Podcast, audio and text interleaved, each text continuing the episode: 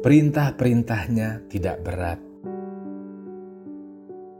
Sebab inilah kasih kepada Allah, yaitu bahwa kita menuruti perintah-perintahnya.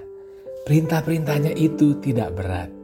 1 Yohanes 5 ayat 3 Saudara-saudaraku yang dikasihi Tuhan, Tuhan Yesus mengajarkan kita suatu perintah yang sangat sederhana Kasihlah Tuhan Allahmu dengan segenap hatimu, dengan segenap jiwamu, dan dengan segenap akal budimu.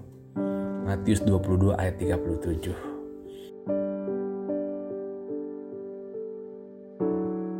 Sadarkah kita bahwa kasih kepada Allah ini harus kita bangun setiap hari?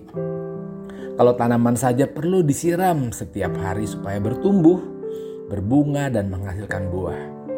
Demikian juga kasih kepada Allah harus kita siram. Kita pelihara setiap hari supaya bertumbuh dan berbuah semakin indah. Ingatlah saudaraku, bukan kita yang lebih dulu mengasihi Allah tetapi dia yang lebih dulu mengasihi kita dengan menyerahkan anaknya sebagai korban penebus dosa kita. Bahkan ketika kita masih berdosa, dia sudah mengasihi kita jadi kita dikasih bukan karena kita baik. Sebenarnya kita tidak layak untuk menerima kasihnya yang besar itu.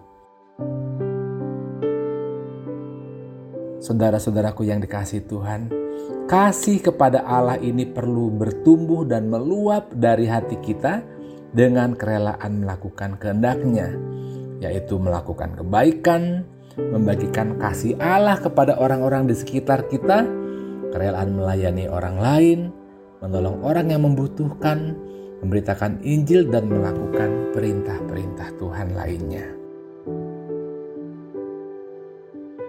Secara sederhana, kalau kita sungguh-sungguh mengasihi Tuhan, kita akan rela dan senang melakukan kehendak Bapa. Kerelaan itu terjadi secara natural, tidak dipaksa-paksa. Bukan karena disuruh-suruh manusia, tetapi dikerjakan oleh Roh Kudus. Dari hati terdalam yang mengasihi Tuhan, yang bersekutu erat dengan Roh Kudus, dari situlah asal dari kerelaan hati kita. Ini dikerjakan Roh Kudus untuk mau melakukan perintah-perintahnya.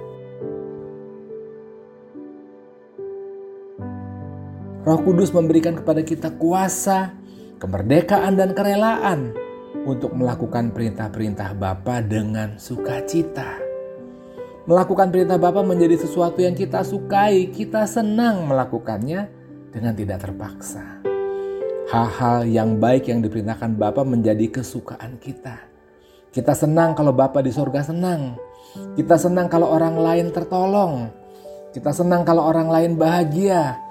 Kita senang kalau orang lain berhasil dalam hidupnya mengikut Tuhan.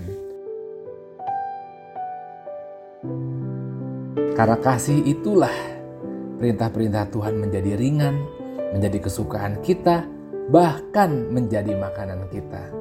Tentang hal ini Tuhan Yesus berkata, kata Yesus kepada mereka, Makananku ialah melakukan kehendak dia yang mengutus aku dan melakukan pekerjaannya. Yohanes 4 ayat 34 Sungguh saudaraku sekalian, benarlah kata firman Tuhan ini perintah-perintahnya tidak berat. Salam kasih dari saya Rio Sibaran.